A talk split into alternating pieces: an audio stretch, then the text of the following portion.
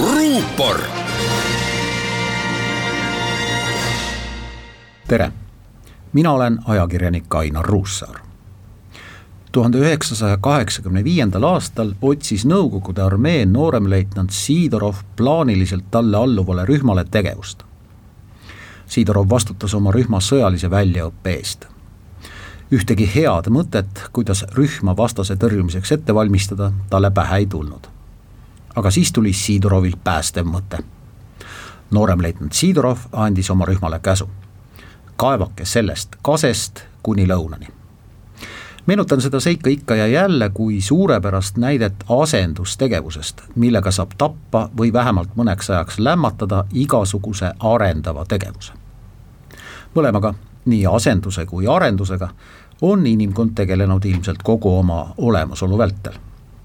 Viieaastase jaoks on mäng kindlasti arendav tegevus, viieteistkümne aastase jaoks tundides nutitelefonis istumine ei pruugi seda olla ja näeb aeg-ajalt välja kui asendustegevus. asendustegevuse suunanäitajad on kahjuks sageli meie poliitikud, tuues lauale ideed üha uutest reeglitest ja seniste reeglite muutmise vajalikkusest ilma, et keegi õigupoolest aru saaks, millist probleemi nad niimoodi lahendada kavatsevad. Konservatiivse Rahvaerakonna juhtpoliitik Mart Helme lubas mõne päeva eest algatada Riigikogus toetusrühma loomise eesmärgiga Eesti kiiresti Euroopa Liidust välja viia.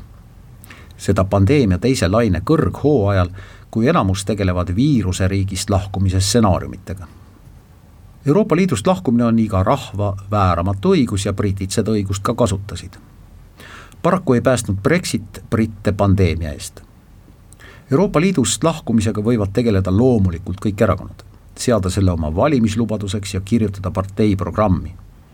siis, kui majanduskasv on üle kümne protsendi, miljonid migrandid tunglevad õitsva Eesti piiride taga ja meie ainus mure on mitte ellujäämine, nagu praegu, vaid rikkuse kasvatamine ja jõukuse kogumine oma rahva ja iseseisva riigi huvides pealegi pole Euroopa Liidust lahkumine kindlasti teema, millega populaarsuselt kolmas partei enne kohalikke valimisi tegelema peaks. võib, aga ei peaks.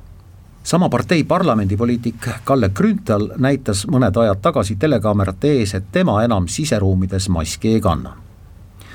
ei möödunudki ülemäära palju aega, kui internetis hakkas oma elu elama maskivastane rahvaalgatus petitsioon, millele allkirju kogutakse, nõuab mürgiste näomaskide müügi ja levitamise keelamist Eestis. Kui palvekirjaga liitub tuhat inimest, saab selle saata Riigikogule.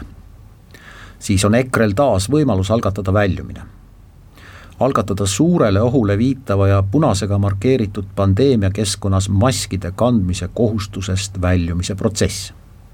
muide, Kalle Grünthal käis välja ka mõtte, et iga parlamendiliiget võiks nõustada teadusnõunik kelle parlamendiliikmed ise valiksid.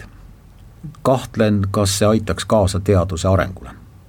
Bürokraatia arengule aitaks see kindlasti kaasa, kuid see ei ole arendustegevus. tegin nüüd EKRE-le liiga ja tunnistan seda. asendustegevusest pole puhas ükski partei. asendustegevusest pole tegelikult puhtalt meist mitte keegi tahan hakata tulemuslikumalt treenima ja alustan uute spordiriiete ostmisest. on see arendus või asendus? Aga ega mul nüüd endale ega ka sulle, hea kuulaja, pole anda ühtegi kuldset soovitust, kuidas asendust arendamisega asendada. võiksime alustada sellest, et üritame asendustegevuse ära tunda. ilusat nädalavahetust. ruupor